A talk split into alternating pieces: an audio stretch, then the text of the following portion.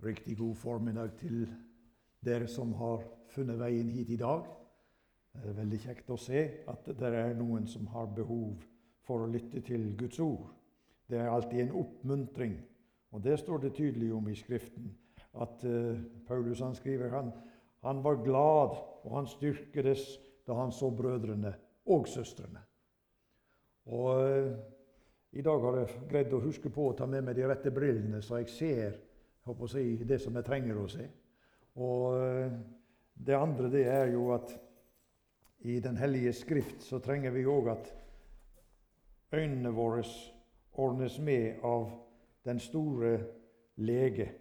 Fordi at hvis ikke Herren tar dekket bort for oss, så ser vi ingenting. Det ordet som vi eh, finner her i dag i Matteus 11, 28, Kom til meg, du som strever og bærer tunge byrder, og jeg vil gi deg hvile. Det er et ord som eh, vi trenger å Ja, det er et ord som vi trenger å minnes om, eh, fordi at den himmelske Gud har en plan nettopp for oss som er kommet hit i dag, og for oss som lever i troen på Jesus. Og eh, det som nå er et eh, spørsmål, det er bl.a. Noen ganger møter vi dette som du ser her på dette bildet. Du møter en utfordring i livet som, eh, hvor vi lurer på hvordan skal jeg komme gjennom eller komme over til andre siden slik at jeg får dette vanskelige bak meg. At jeg får komme i en situasjon der jeg igjen kan glede meg og, og, og fortrøste meg på Herrens løfter, som har sagt at Han skal være med, ikke bare for å flytte meg rundt forbi sånn når jeg eh, kommer med en enkel bønn og sier at 'nå må du hjelpe meg, Jesus', og så er det liksom problemet løst. Nei, det er noen forhold, og jeg kom til å tenke på en som eh, som jeg eh, eh, hørte om. Han holder til i staten Kentucky, og han er pastor i tredje generasjon. Bestefaren var pastor, faren hans var pastor, og han sjøl endet opp som pastor. Men han hadde helt andre tanker i utgangspunktet. Han syntes det var nok når to generasjoner hadde holdt på, så ville han gå en annen vei. Og eh, det som møtte han, det var det at han fikk eh, nyreproblemer. Nyrene sluttet å fungere, og kreften inntok han i ryggen. Og Han fortalte det sjøl. Vitnesbyrdet hans var slik at eh, da var det vanskelig å tenke seg at livet skulle blomstre. Da var det vanskelig å se for seg Han var en ung mann. Eh, at eh, litt lenger fram på livsveien så var det så var det det som vi alle håper og tenker om, at egen familie og gode venner og et liv med en god jobb og alt så videre sånn. Han sto med dette spørsmålet her. Hvordan skal jeg komme gjennom dette her? Hva har du tenkt, Gud? Og så talte Herren til han og sa til han, Du skal inn i min tjeneste. I tjenesten på fulltid for meg. Du skal inn som tredje generasjon i sammenhengen.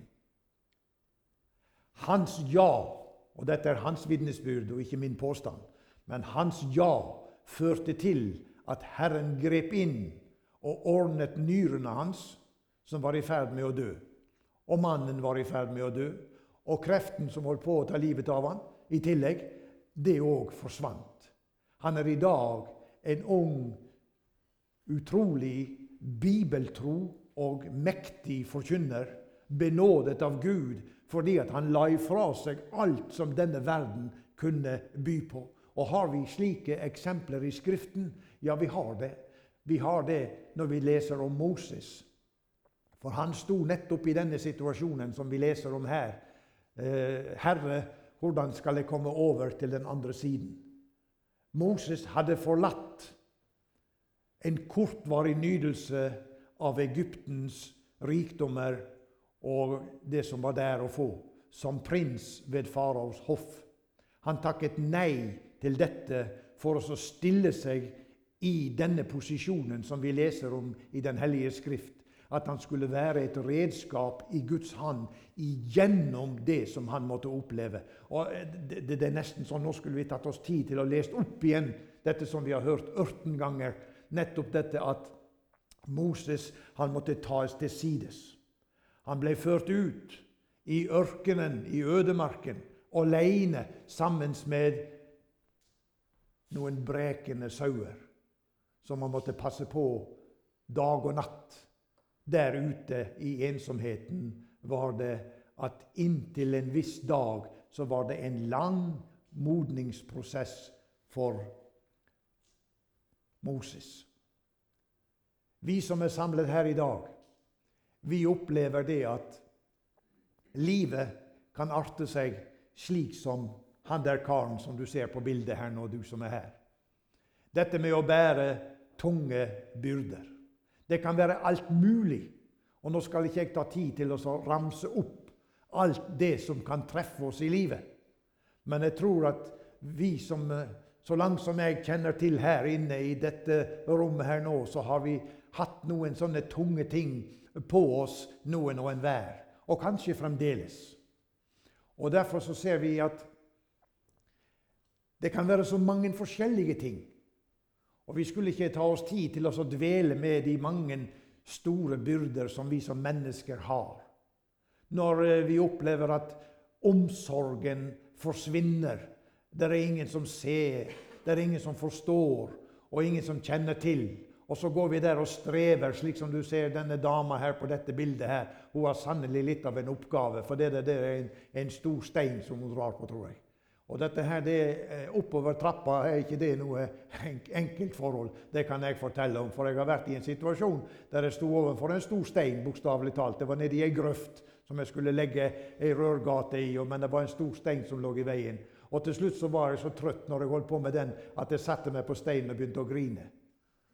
Det var, ikke, det, var ikke, det var, ikke, noen der å rope på. Ingen. Det var ingen. Og, og, og, og, så skulle jeg allikevel greie den jobben der. Og eh, sannelig, den dagen behøvde jeg hvile både lenge og vel i etterkant. Og så, eh, så ser vi det at når vi da kommer inn i bildet her, og vi går, vi går forbi dette skal vi si, eh, jordiske, og så kommer vi inn på det åndelige plan, og så er det slik at når vi glir inn i kananspråket, så kan det være at det er noen som faller av lasset og ikke skjønner helt. Men da er det jo selvfølgelig med det språket som med andre språk, at det er et språk som må læres. Og det lærer man i sammen med Jesus, i sammen med den troende forsamling, i sammen med Bibelen som taler. Hvorfor er det slik for en, en, en sann kristen? Hvorfor har en sann kristen, en som er født på ny og renset i lammets blod, Hvorfor er det slik at en sann kristen har så mange ting å, å, å, å, kjempe med? Og Vi skal ta for oss noen eksempler fra Skriften. Bibelen taler om at Paulus han hadde det som Skriften taler om som en tårn i kjødet. Dette var mannen som vi leser om som da han het Saulus så ble han overvåket av himmelens Gud. Og når han var på denne veien mot Damaskus, så skrudde Gud lyset på, bokstavelig talt, slik at Paulus han hørte røsten som sa, 'Saul, Saul, hvorfor forfølger du meg?' Han trodde han gjorde Gud en stor tjeneste og hadde et stort og rikt arbeid for Gud med å kaste de troende, de som hadde valgt å følge Jesus, og kaste de i fengsel og ødelegge livene for dem. Han trodde det var hans gudstjeneste. Men når Gud satte på lyset, så var det da at det forandret seg. Han skriver i 2. Kor, 2. Korinterbrev 12, 2-4.: Jeg kjenner et menneske i Kristus. Om han var i legeme, vet jeg ikke, eller utenfor legeme, vet jeg ikke. Gud vet det. En som for 14 år siden ble rykket like inn i den tredje himmel. Og jeg kjenner dette mennesket. Om han var i legeme eller utenfor legeme, vet jeg ikke. Gud vet det. Han ble rykket inn i paradis og hørte usigelige ord som det ikke er et menneske tillatt å tale. Når vi eh, tar med oss resten av det som står i denne settingen, så leser vi videre fra vers 5 til vers 7. Av dette vil jeg rose meg, men av meg selv vil jeg ikke rose meg, uten av min skrøbelighet. For om jeg vil rose meg, blir jeg ikke en dåre, for det er sannhet jeg vil tale. Men jeg lar det være, for at ingen skal tenke større om meg enn det som han ser meg eller hører av meg. Og for at jeg ikke skal opphøye meg av de høye åpenbarelser, er det gitt meg en tårn i kjødet, en Satans engel, for at han skal slå meg, så jeg ikke skal opphøye meg. Når vi går i skole og jeg vet ikke, Kanskje du var en sånn gluping. Jeg ser det er glupinger iblant oss. Men eh, når, når, når, det er, når, det er, sagt, så kan jeg ikke sjøl si det at jeg var en av de.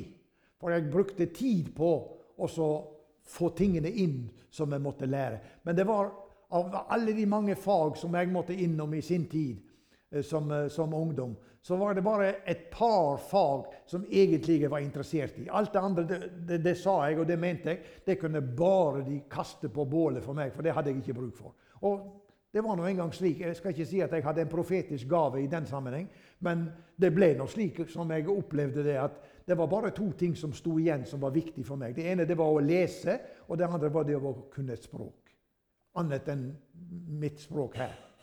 Og Det, det syns jeg var veldig viktig. Men det var slik at jeg måtte bruke tid på å få denne kunnskapen inn og lære de tingene som, eh, som, som var viktige. Bare for å ta et eksempel. Jeg, ja, jeg òg leste om Bernollis ligning i matematikkens verden. Men jeg eh, kan ikke stå her og snakke om den i dag. For det hører fortiden til. Og alle de år som er rent, de har ført til at det er gått i glemselens hav. Men det som jeg prøver å fokusere på, det er når vi går i Guds skole. For i Guds skole der er det annerledes. Der er det én ting som vi har felles som troens barn, og det er at vi skal lære å kjenne Herren. Vi skal lære å kjenne at Gud er den som kan føre oss over de, eller gjennom de ting som møter oss i livet. Enten det er et hav av problemer, eller det er bare et, et lite, skal vi si, en liten hump i veien. I Guds skole der står det og i Hebrevet 12,6 at for den Herren elsker, den tukter han. Og han hudstryker hver sønn han tar seg av. Så tenker du kanskje er det slik å være en kristen? Da vil jeg neimen ikke være med på det. Jeg har så mye fra før av at jeg trenger overhodet ikke gå inn i den kristne tro og tenke at det, som enkelte uttrykker, det er bare å henvende seg til Jesus, så glattes livsveien ut. Og det blir som at du surfer av gårde på en uh, Hva heter det her, da? En, en, en, uh, en isbane. Det glir av gårde så flott. Det er, ikke, det er ikke en hump i veien lenger. Alt blir bare glede og velstand. Ja? Og enkelte legger ut Skriften på den måten der og prater om at blir du en kristen, da skal du slippe å være sjuk. Da skal du slippe å få økonomien i hodet. Da skal du slippe å få kjenne på sykehusoppholdet med alt det som det innebar. Da skal du få oppleve nettopp dette her, at himmelens Gud han er over alle dine problemer, og du møter ingenting i ditt liv. Dette er jo en, en, en tildragelse som vi, vi kjenner. Vi, vi, merker disse vindene blåser innover troens forsamlinger rundt forbi. Men jeg vil gjerne få lov å si, du som kanskje sitter med disse tanker, at det som jeg opplever, det er så stort og så svært at det går ikke an å leve igjennom det. Det går ikke an å komme igjennom dette her. Dette er for stort et hav. Når Paulus opplevde at han ble tatt ned i størrelse, så var det gjennom denne tårnen som Gud gav ham i kjødet. Vi vet ikke hva det er for noe. Bibelen er ikke klar på dette. Og mange har uttalt hva skal vi si, mer eller mindre spekulative sannheter om nettopp hva var det som var det med Paulus som gjorde at han ble betegnet som en som hadde en tårn i kjødet. Men han fikk høre Paulus det samme som evangeliet bringer i dag. Kom til meg, alle som strever og har tungt å bære, og jeg vil gi dere hvile. Paulus fikk hvile i dette at min nåde, min nåde er deg nok. Og dette, venner, det bringer oss til det enkle faktum som er så vanskelig å begripe for våre hjerter. At det er bare på nåden at vi kommer frem til himmelen. Hvor mye du har forstått i Den hellige bok, hvor mye du har fått oppleve sammen med Jesus på livets vei, hvor mye referanser du har til de tingene som du har vært innom i livet, så er det bare på grunn av nåden at du en dag får komme inn til den levende Gud på besøk i himmelen, for der å sette fot, og for der å oppleve det at passet var i orden når du kom.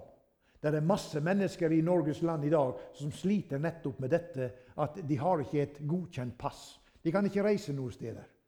Og det er jo i seg sjøl et teknisk problem som det ser ut for at de ikke greier å få has på. Men det, er en sannhet som overstiger den Eh, den parallellen. Og det er dette her at til himmelen, der er det et pass som fåes hvis du spør etter det. Hvis du søker etter det på den rette måte. Og da må du legge ifra deg alt som du har å peke på. Vi vet at to menn gikk opp til tempelet for å bede, som det står. Den ene en toller, og den andre en fariseer. Det går en sang på dette her. Men nå skal ikke jeg sitere hele den. Men det vi vet, er at fariseeren stiller seg opp der. Jeg takker Gud for at jeg ikke er slik som han som sitter, står der nede med døra. Som bøyer sitt hode i skam fordi han har, han har bedratt mennesker og han har tatt ifra dem alt som ikke han skulle ha gjort. Og han har vært en toller og en synder og en elendighet for hele samfunnet. Og, men jeg, Gud, jeg har gjort som du har sagt i ditt ord. Jeg har gitt min tiende, og jeg har vært med og hjulpet den ene og den andre. og bidratt med alle mulige ting. Jeg er ikke slik som disse der, som er Gud. Men så står det at han som sto og hørte på denne her fremleggelsen av sin, denne, denne perfekte, som han mente seg å være, han opplevde nettopp dette her. At himmelen slo på nådens lyskaster. Og så fikk han si, Gud, vær meg synder nådig. For innunder det som han hørte, så hørte han dommen over sitt liv. Og når han ba om nåde, så var det nettopp nåde han fikk. Og på dette står det i Skriften at denne, han gikk rettferdig hjem til sitt hus. Og den andre ikke. Slik står det i denne gamle oversettelsen. Og den sier jeg opp igjen, den skulle vi lese nøye når det står slik som dette. Fordi det var på nåden at tolleren, eller synderen om du vil, fikk ordnet sin sak med Gud. Og nå står det i, i, i Esra kapittel 9-8, og den sammenhengen må du gjerne få lese. Men der står det et vers som går inn i denne, i denne fasen som vi er inne i nå. At nå, for et lite øyeblikk, er nåde blitt oss til del fra Herren vår Gud. Så han har levnet og frelst en rest av oss og gitt oss et fotfeste på sitt hellige sted, for at vår Gud kunne la våre øyne lyse og gi oss litt ny livskraft i vår trelldom. Det forteller oss at Israel, som her vi snakker om, i denne settingen, de var et land som hadde landløftene over seg. De hadde Guds velsignelser over seg. Og så viste det seg det at under vandringen så skjedde det at de kom bort ifra den sanne Guds vei og vilje. Og så kan vi si at det var nå et skrøpelig folk. Hårnakket var de. Hårnakket var de. Men når de kom tilbake igjen til Gud, så fikk de oppleve dette. Hvem er en Gud som du? En Gud som tar bort misgjerning og går overtredelse forbi for dem som er tilbake av hans arv. Og hør, han holder ikke til evig tid fast ved sin vrede for han har lyst til miskunnhet. Mika 7,9. Dette er den Gud som Israel lærte å kjenne under den lange vandringen 40 år, de òg. Og, og, og, og, når vi ser på, på kartet og ser hvor, hvor henne ruta gikk, hvor de var, så ser vi jo det at det var jo si, opp igjen i de samme sporene til dels. Og jeg er helt sikker på at noen sa her har vi vært før. Og dette her er ikke noe bedre enn det var i går. Dette er faktisk, her var det jo enda verre enn vi noen gang har hatt det. Nå er vi tilbake igjen i samme greia. Har du vært der i livet, og så får du møte dette her, som Gud sier Han holder ikke fast ved sin måte å lede på gjennom trengsler. Nei, han kommer fordi at han ser alle har syndet. Jeg som du, og vi mangler Guds ære. Men vi blir rettferdiggjort uforskyldt av Hans nåde ved forløsningen i Kristus Jesus, som Gud stilte til skue i Hans blod, som en nådestol ved troen, for å vise sin rettferdighet, for at han i sin langmodighet hadde båret over med de synder som før var gjort. Romerne 3, 22-25. Dette her med at Gud i sin langmodighet Gud er tidløs. Gud er i en annen dimensjon. Av og til så har jeg opplevd å få sett en film eller vært med på opplevelser hvor jeg tar på meg et par spesielle briller, og vi glir inn i det vi kaller for tredimensjonal tilværelse. Det er en fantastisk historie, og det kan jo skremme en hvis den er i rette sammenhenger.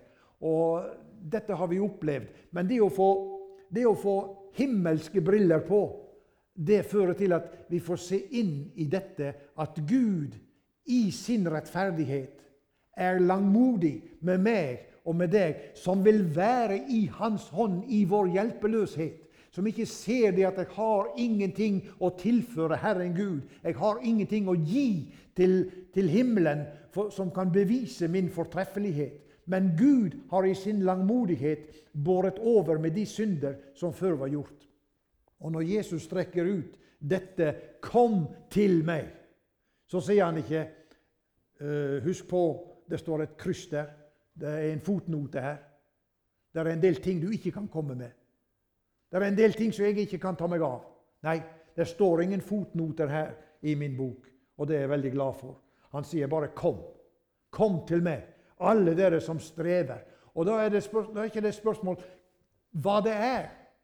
Nei, han som jeg fortalte om i begynnelsen her, som hadde dette som han strevde med, han kjente det at kroppen sluttet å fungere. Sykdommen hadde inntatt han, og døden banket på. Da vendte han seg til Herren i sin nød, og Gud oppreiste han.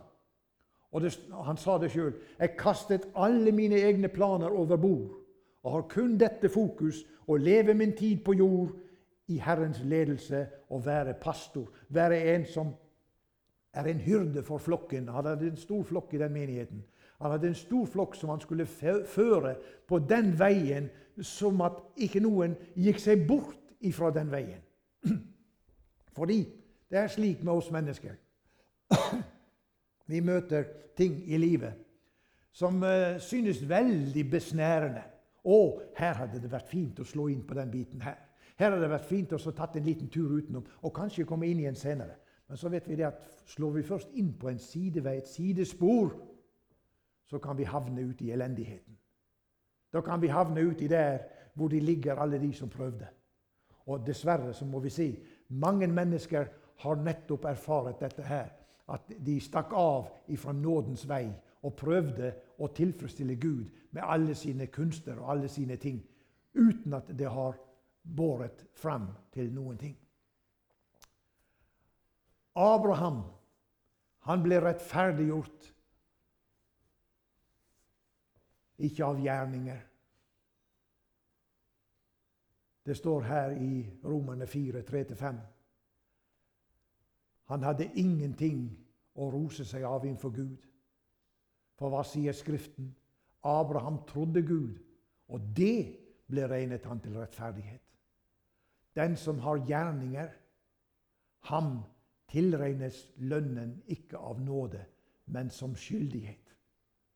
Den derimot som ikke har gjerninger, men tror på Ham som rettferdiggjør den ugudelige. Han tilregnes hans tro til rettferdighet.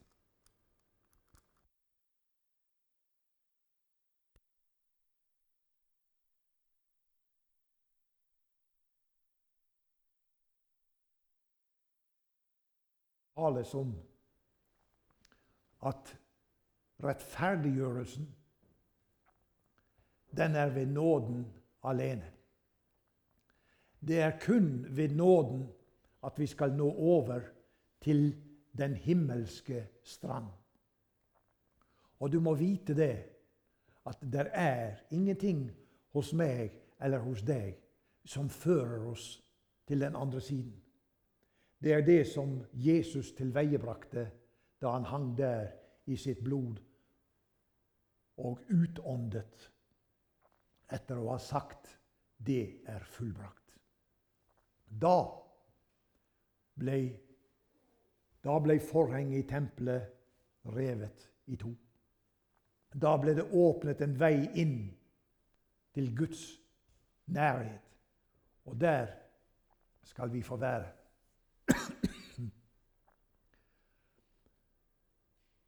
Og vi skal få kunne si med salmisten ut ifra Salme 23, 23,4.: Om jeg igjen skulle vandre i dødsskyggens dal, frykter jeg ikke for ondt, for du er med meg. Din kjepp og din stav, de trøster meg. Begrepet kjepp og stav det er en betegnelse på Guds ord. Og ordet kan vi støtte oss på også når lyset slukkes. Når vi puster ut for siste gang, da gjenstår en ufattelig opplevelse for den som i sitt hjerte har påkalt Jesu navnet her i tiden. For han skal stå ved himmelporten. Han skal si 'Velkommen hjem'. Da for evig er jeg hjemme, og aldri skal jeg forlate himmelen. La dette bildet her ligge i ditt hjerte, for det er dertil vi vil. Og jeg ser frem til den dagen. Nå nærmer det seg med stormskritt at jeg havner i støvets alder. Ja, det gjør det. Bokstavelig talt. Og det må jeg si det er en spesiell tanke rundt dette her. Alderdommen kommer sigende, og den kommer sjelden alene.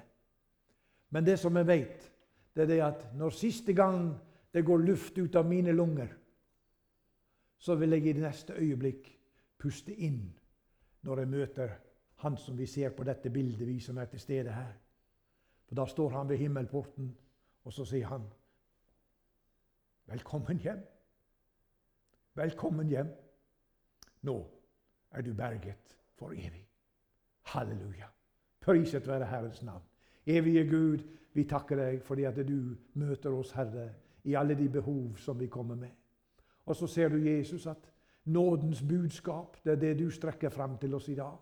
Dette med at vi, Jesus, ikke kan komme med noen ting av oss sjøl, men vi skal få lov, Jesus, å komme på det som du har gjort. Alt, Jesus, som jeg hadde, det ble tilregnet deg. Og alt som du hadde, det ble tilregnet meg. Takk, Jesus. Takk, Jesus. Amen.